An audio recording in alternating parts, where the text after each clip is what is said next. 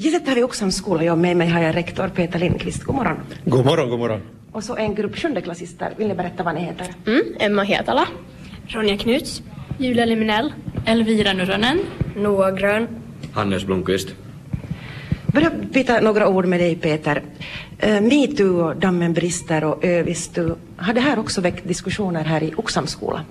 När för, i början av oktober när, när det här metoo briserar så kan man väl säga att vi börjar fundera speciellt då på våra planer. Hur ser det ut i Oxholms skola? Vad har vi för beredskap att ta itu med ta itu med trakasserier och, och, vi konstaterar då att vi har vår jämställdhets och, och likabehandlingsplan som vi har, har gjort upp här under, under förra läsåret att, att den, den är nu den som gäller.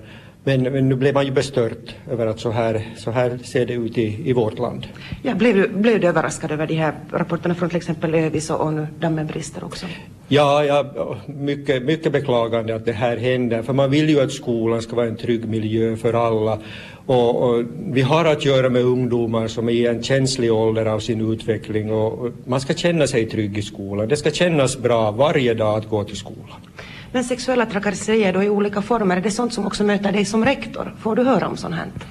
Mycket sällan får jag höra och kanske det är det som gör mig funderande. Att, att det, det, är liksom när man tänker på problem som finns ute i den digitala världen att vi, ja, jag saknar den här kännedomen om det. det. Det är nog eleverna som har kunskapen och, och har man inte den här dialogen med elever, om inte eleverna vill berätta då, då vet jag inte om vad som händer.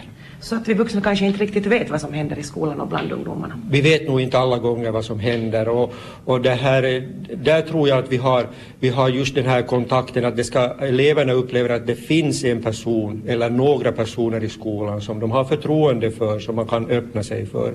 Och jag tror nu att, att i och med att, eh, att det har pågått en, en månad det här uppropet metoo och, och det har tagit då flera upprop till så har vi utvecklat ett civilkurage bland våra elever, att man vågar komma och berätta. Finns det då personer i er skola som man kan gå till om det här händer? Jag hoppas det och jag hoppas att jag är en av de personer som man kan komma till. Alla klassföreståndare, alla lärare, kuratorn, ja, alla som jobbar på skolan ska, ska vara förebilder, de ska vara öppna att ta den här diskussionen med ungdomarna. Vad säger ni då som går på sjuan? Hur är det, förekommer sånt här också i Oxholms skola? Mm, jag skulle nog säga att det gör det. Mm. Mm. Man, man skulle inte tro det, det är ju mycket på nätet och så här fast det, så här små saker händer det nog faktiskt.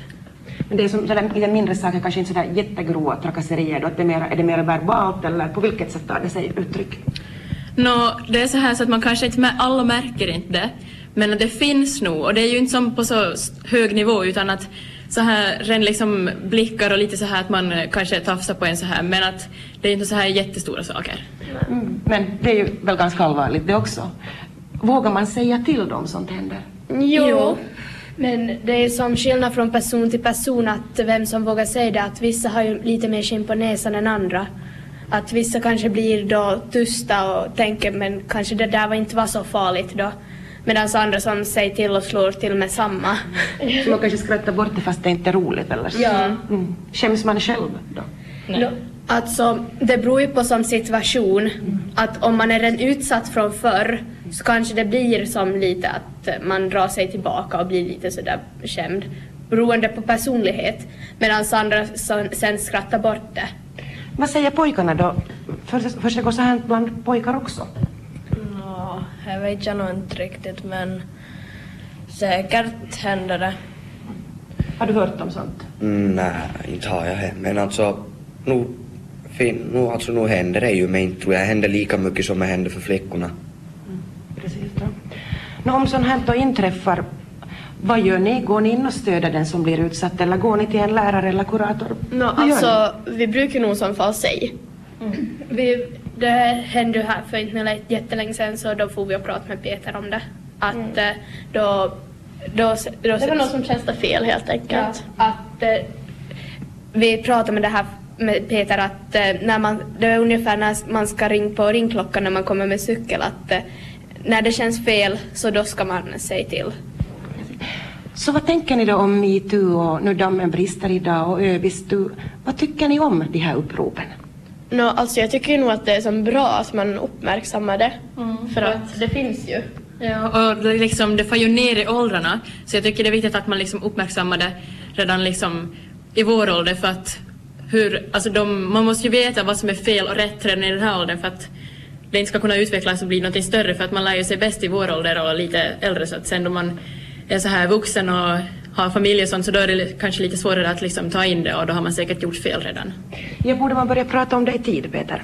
Eh, det här är ju någonting som man ska prata om, alltså det hör ju till uppfostran, den här vanliga uppfostran om, om samvaro och att, att, eh, som börjar i barnträdgården. Jag är hemmen förstås, hemmen är mycket viktiga här. Att det är ju där man lär sig modeller. Har det ändrat då under din lärarbana?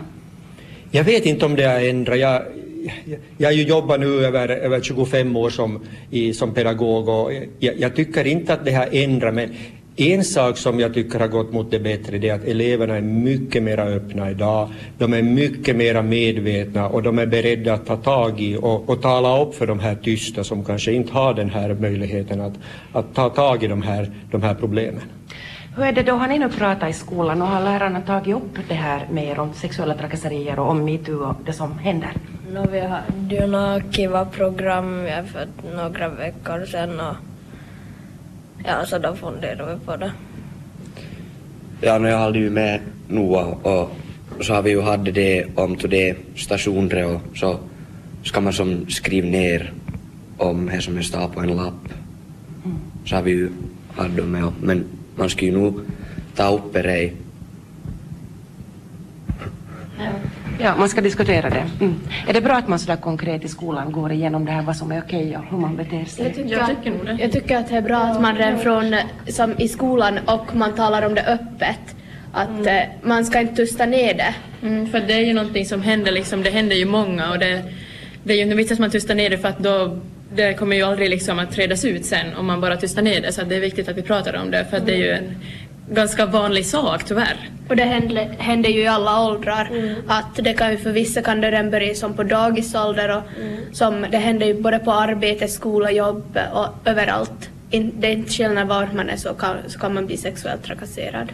Nå, tas ni på allvar då om ni lyfter upp de här frågorna med lärarna? Om det är någonting som inte känns bra? Jag tycker nog att man gör det för det känns ju som nu då man har haft det här, då man har jobbat med metoo så känns det ju som att skolan faktiskt som tar tag i det och försöker göra skillnad. Att de faktiskt bryr sig. Mm. Och det var väl mer så här då, så här då man gick i lågstadiet och sånt att de tänkte ja men han är säkert kär i dig så här. Det var som att då kanske man inte, det kanske inte var lika grova saker men att där kanske det var lite så här mer att ja men han är bara kär i dig, han gör så här. Men jag tycker att mer i högstadiet så har de, och mer nu säkert i lågstadiet också, börjat som ta det här på allvar att det inte är okej. Fast man är kär så får man inte göra sånt. Men jag tycker det är, det är fel att eh, sen vuxna som ska uppfostra oss börjar säga men han är bara kär i dig. Jag tycker att då ska det som vuxna stå upp för den som har blivit utsatt och säga nej det där är fel, att så där gör man inte. Så då, man skulle lära sig den från liten. Det låter jättebra faktiskt. Jag måste fråga er en sista fråga. Tror ni att någonting kommer att förändras nu då med, med metoo, övestu och dammenbrister? Jag tror nog att det Vi får kommer... hoppas. Jag tror att, eh, att eh, skolorna kommer ta mycket tag i det här och att man kommer få höra om det mycket i, i framtiden. Och det sprider ju sig så jag tror att nu kanske det inte är så på ett så här jätte- jättestort område fast sen så tror jag nog att det sprider sig så att liksom flera jättemånga länder liksom tar upp det här för att sen till slut så kommer nog folk att märka att det här faktiskt är vanligare än man tror. Och ni fortsätter jobba med de här frågorna också här på Oxams? Vi kommer att fortsätta och vi har ett metoo-tema inplanerat till efter, efter nyår. Så att vi kommer att fortsätta med den här diskussionen. För det väckte många goda frågor när vi jobbade här för några veckor sedan i klasserna och, och det fanns många idéer som vi måste ta tag i och, och jobba vidare med. Så det är nolltolerans och det är att fortsätta jobba? Absolut, det är nolltolerans som gäller. Tack så mycket.